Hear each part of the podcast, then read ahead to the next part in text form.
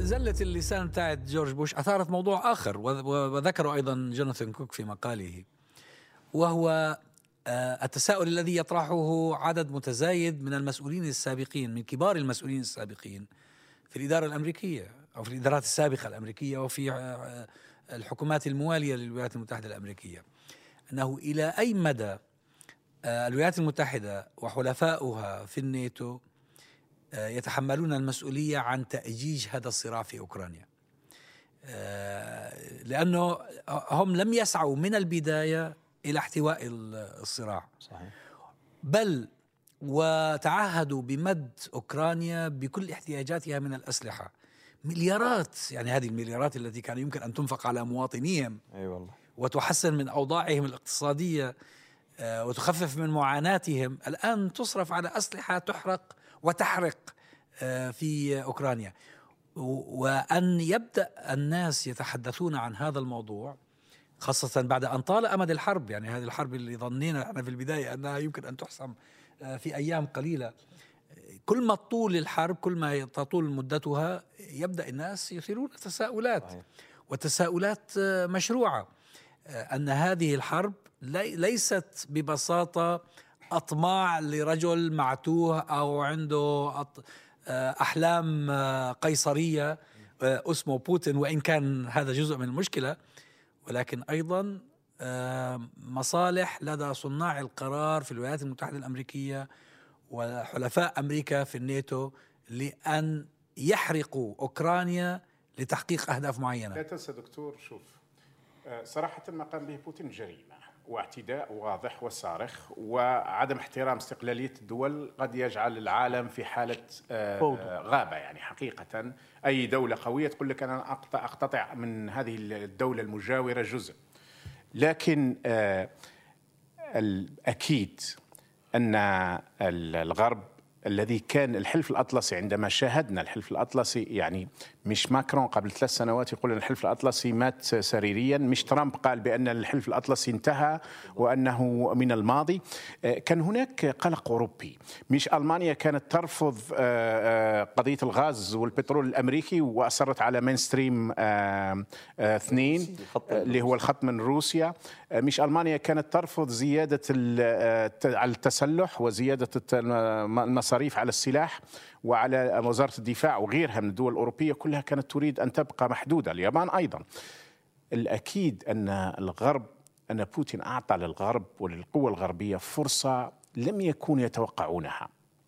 وهي أنهم ليس فقط يوحدون أنفسهم ليس فقط يوحد يدفعون خاصة الولايات المتحدة تدفع اوروبا إلى حضنها أكثر فأكثر وتصبح أوروبا الآن بدون الولايات المتحدة لن تستطيع أن تفعل شيء بما فيها في الغاز والبترول وإنما أيضا يهدف وقناعتي أنا وزير الدفاع الأمريكي لما قالها قبل أسبوعين وهو تغيير النظام داخل داخل روسيا قال إضعاف روسيا يهدفون إلى تفكيك روسيا. لكن قناعتي أكثر من ذلك هذه رسالة إلى الصين. والمعركة الكبرى هي مع الصين. واستمعنا ما قاله آه، بايدن قبل يومين في الكواد في اللقاء مع الهنود والأستراليين واليابان حينما وجهوا رسالة ضمنية ولكنها واضحة بانهم لن يقبلوا أن تغير الصين الأوضاع كما هي الآن. قال على قضية تايوان بأن أمريكا ستحارب آه، آه، الصين إذا لزم الأمر. كان يؤجج التايوانيين أنه يعني يعلنوا عن موقف ضد الصين يعني وأن أكثر فأكثر وهذا طبعا آه، أخرجهم من استراتيجيتهم المعروفة بالغموض الاستراتيجي في قضية تايوان خاصة. أي أن الولايات المتحدة تدرك جيدا أن لديها قلاقل داخلية جعل منها ترامب أخرجها إلى إلى العلن. الآن انقسام داخل الولايات المتحدة انقسام خطير جدا. أنا تابعت آه، ما قاله آه، فريدمان في لقائه مع بايدن. قال لن نتحدث على آه، ما جرى بيننا ولكن ما أستطيع أن أقوله من أن هناك بالنسبة لبايدن أن هناك يشعر بأنه ما لا يستطيع أن يفعله هو داخل الولايات المتحدة وليس خارجها. بمعنى هذا الانقسام الأمريكي سيؤدي في النهاية ربما إلى انقسام حقيقي وربما حتى حرب أهلية أخرى في الولايات المتحدة. إذا أنا أعتقد أن بوتين أعطى فرصة للولايات المتحدة تلملم نفسها داخليا إلى حد ما ولكن خاصة مع حلفائها وأيضا لكي تضعف الصين ولا تسمح لها بأن تتجاوزها. ونحن نعرف أنه في ظرف خمس سنوات إذا بقيت الأوضاع على ما هي عليه سيتجاوز الاقتصاد الصيني الاقتصاد الأمريكي لأول مرة في التاريخ. هي أظن الفكرة الرئيسية من الحرب سواء إنه آه، بوتين خلق هذه الفرصة أو أن الناتو ورطه ورطه يعني في النهاية لا نستطيع أن نعرف كيف بدأت أو ما يعني هل تم توريطه أم أنه هو بدأ فهم استفادوا الاثنين واستثمروا. قضيتين. آه بس في النهاية الناتو آه سيستفيد من من أمرين باعتقادي في من هذه الحرب أو حتى من ثلاثة. الأمر الأول آه هو آه إضعاف روسيا من خلال توريطها في في هذه الحرب.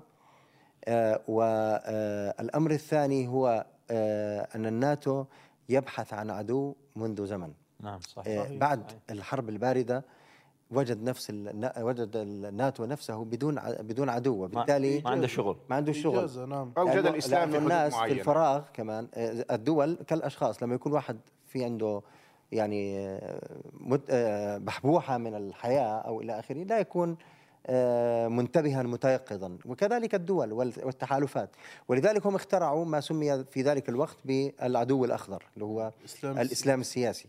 صحيح. آه، لكن الواضح الآن أن الإسلام السياسي أو الإسلام نفسه وجهوا له ضربه شبه قاضيه يعني ليس يعني أيضا لم يظهر أنه عدو سوى في بعض المراحل لما لا لا هو هو تاكيدا لكلامك آه، هذا الإسلام السياسي الذي كان بعبعا يخافون منه ويخوفون به ضربته الثورة المضادة. بالضبط. هو هو الآن لم يعد آه، عدوا على الأقل آه، موجودا ربما يكون عدو عدوا محتملا. الأمر الثالث وهو توسيع الناتو. بمعنى إنه الناتو ليس فقط سيجد عدوا وبالتالي آه، يتقوى وتصبح أهميته آه، واضحة بعكس التصريحات اللي تفضل فيها الأستاذ العربي وهي إنه كان في انفضاض عن الناتو بسبب عدم وجود عدو بسبب عدم وجود مهمة له.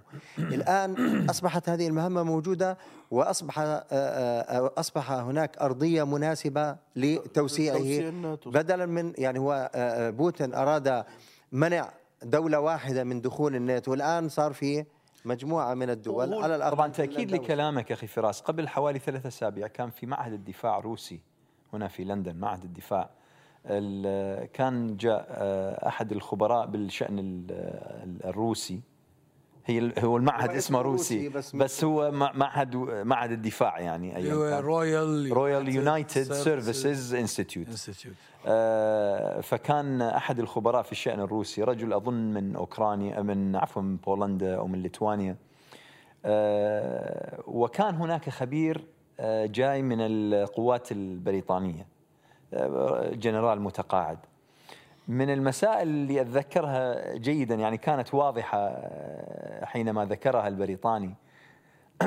قال الجيوش آه، بحاجة إلى مشاغلة يعني ترجمة باللغة العربية. بالضبط.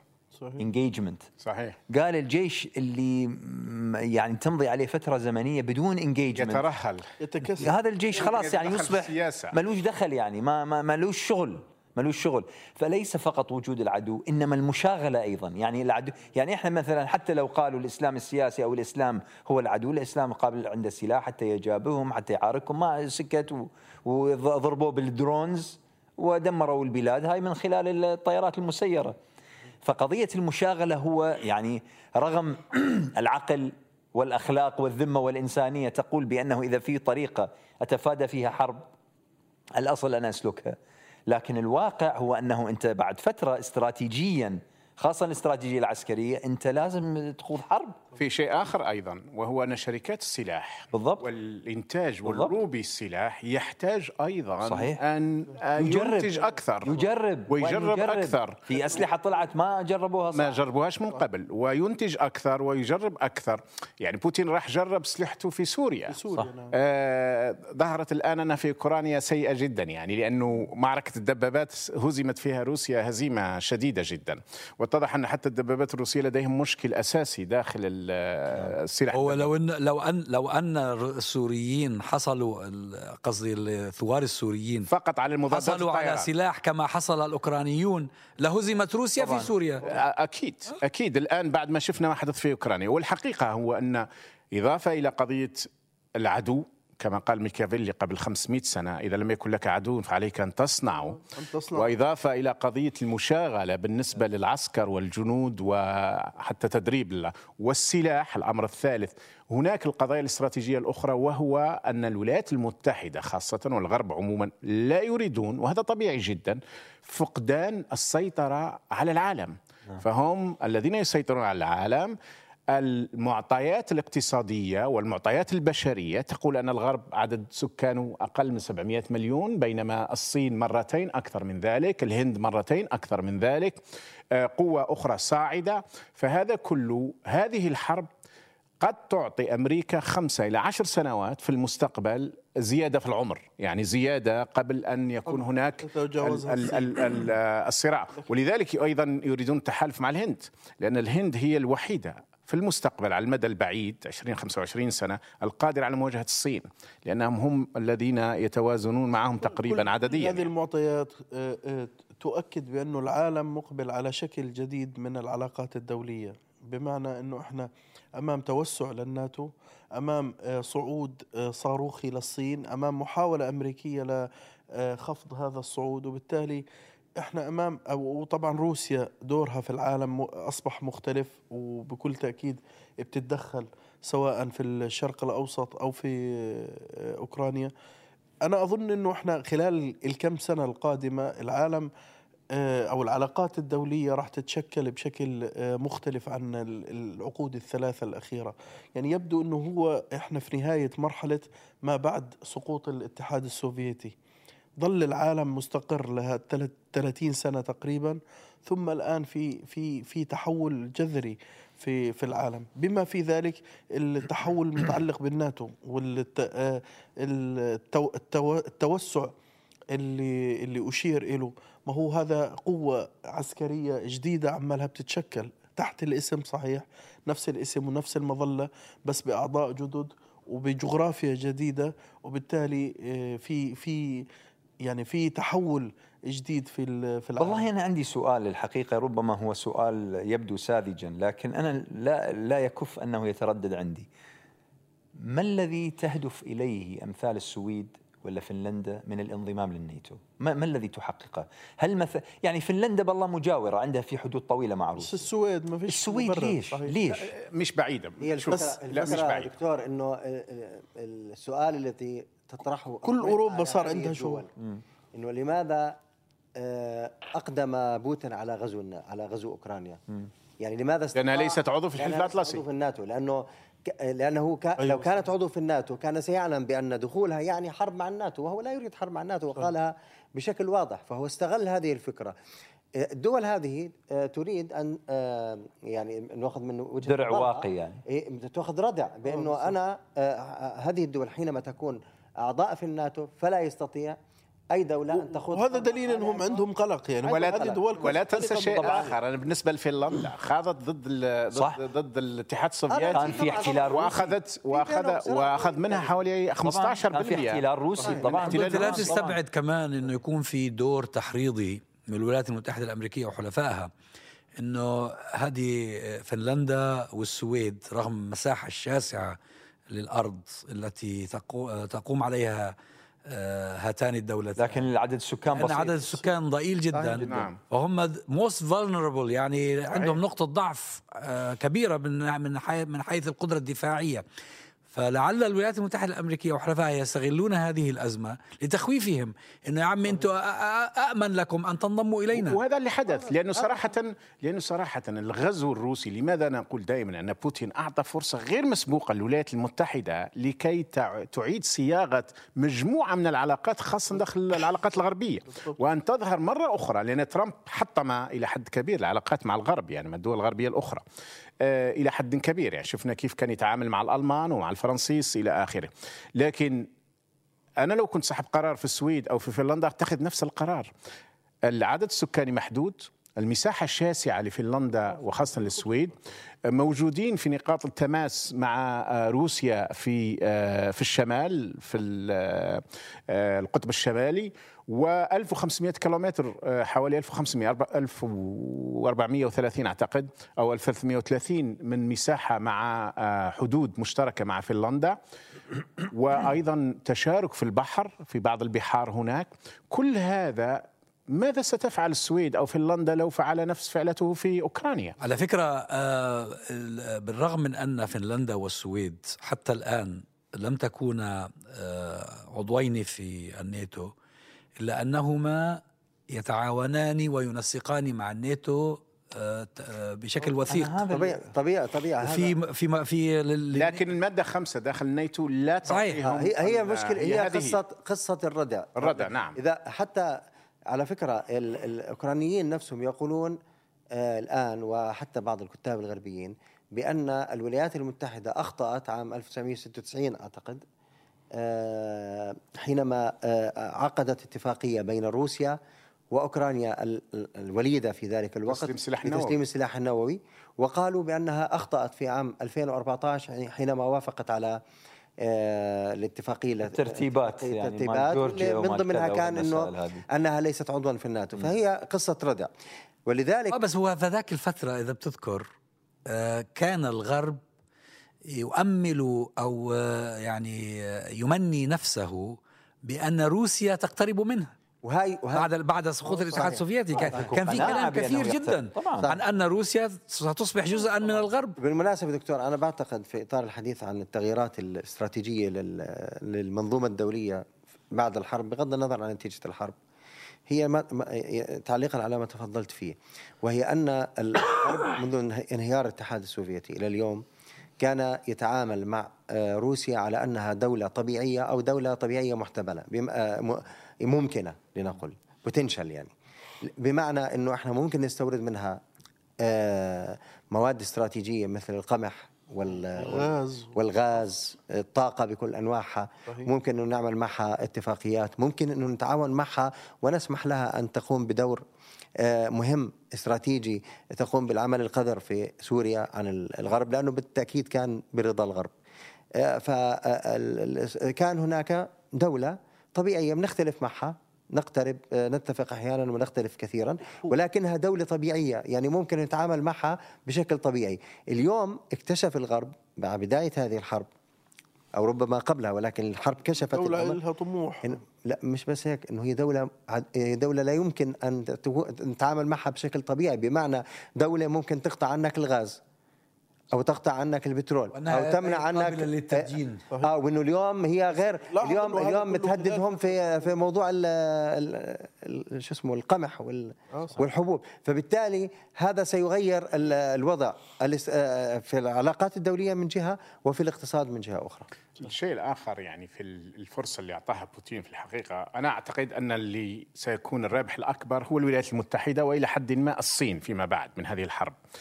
آه دائما عندما آه، أريد أن أعلق على في أي قضايا من القضايا العلاقات الدولية أنظر إلى الجغرافيا في الحقيقة. وكلاوزوفيتس وهو أحد أكبر وأشهر من نظر في الموضوع هذا آه، وهو ألماني كان قبل 150 سنة أو 200 سنة. آه، مهم جدا أن ننظر إلى الجغرافيا. الآن تجد صحيح أن الطائرات الصينية والروسية لأول مرة تقوم بدورية مشتركة فوق اليابان أو قريب من اليابان عندما اجتمعوا قبل يومين بايدن مع الهنود واليابانيين والأستراليين. وكانت هذه رسالة وكان قد يكون هناك تحالف بيننا في منطقة آسيا خاصة. لكن أعتقد أنه بالإضافة إلى الربح الكبير اللي راح تأخذه الولايات المتحدة من هذه الحرب ومن هذه العدوان الروسي على أوكرانيا واللي أعطاها فرص كبيرة، الصين أيضا عندما تنظر إلى الحدود الصينية الروسية وتنظر إلى عدد سكان الصين وعدد سكان روسيا 11 مرة عدد سكان الصين أكبر من روسيا 11 مرة. والمساحة بالعكس. والمساحة تقريبا مرتين روسيا أكبر من الصين. فأنت هنا آه، على المدى البعيد حتى أن المناطق المحاذية للحدود الصينية في سيبيريا وفي روسيا أصبح يقولون أن فيها كل من خمسة صينيين أو ستة صينيين تجد روسي واحد. أعداد هائلة من الصينيين تدخل تلك الأراضي وتتوسع فيها. وروسيا إذا ما تم تفكيكها وأنا أتوقع أن التفكيك سيكون وبالمناسبة قد تكون عنده إيجابيات أيضا بالنسبة للدول المحيطة بروسيا مثل كازاخستان وأوزبكستان والشيشان داخل روسيا لكن الدول المحيطة أو اللي داخل. آه بوتين تحدث على وجود 200 عرقية في روسيا. قبل شهر ونصف في خطاب قال نحن 200 عرقية ونحن نتعاون إلى آخره. لكن روسيا عندما تنظر لها كيف كانت قبل أربع قرون كانت أقل من مليون كيلومتر مربع وتوسعت بشكل فظيع. توسعت على حساب شعوب وقبائل وعلى إمارات إسلامية وسلاطين مسلمين كثيرين يمكن ربع الخارطة لما تطلع عليها المساحة هائلة هائلة, هائلة جدا. هو, هو تقريبا ربع الخارطة الدولة الدولة العثمانية هو السبب. هو السبب لكن لكن التوسع معظم معظم الأراضي اللي استولت عليها بما فيها القرم مثلا. بما فيها القرم بما فيها القرم مثلا. لكن قد يكون التفكك الروسي وأنا أتوقع أنه سيحدث في خلال سنوات يعني مش شرط أنها تنتهي نهائيا مثل الاتحاد السوفيتي ولكن تحدث فيها قلاقل. وبوتين كان تحدث قال يريدون أن يجعلون قلاقل داخلية داخل روسيا.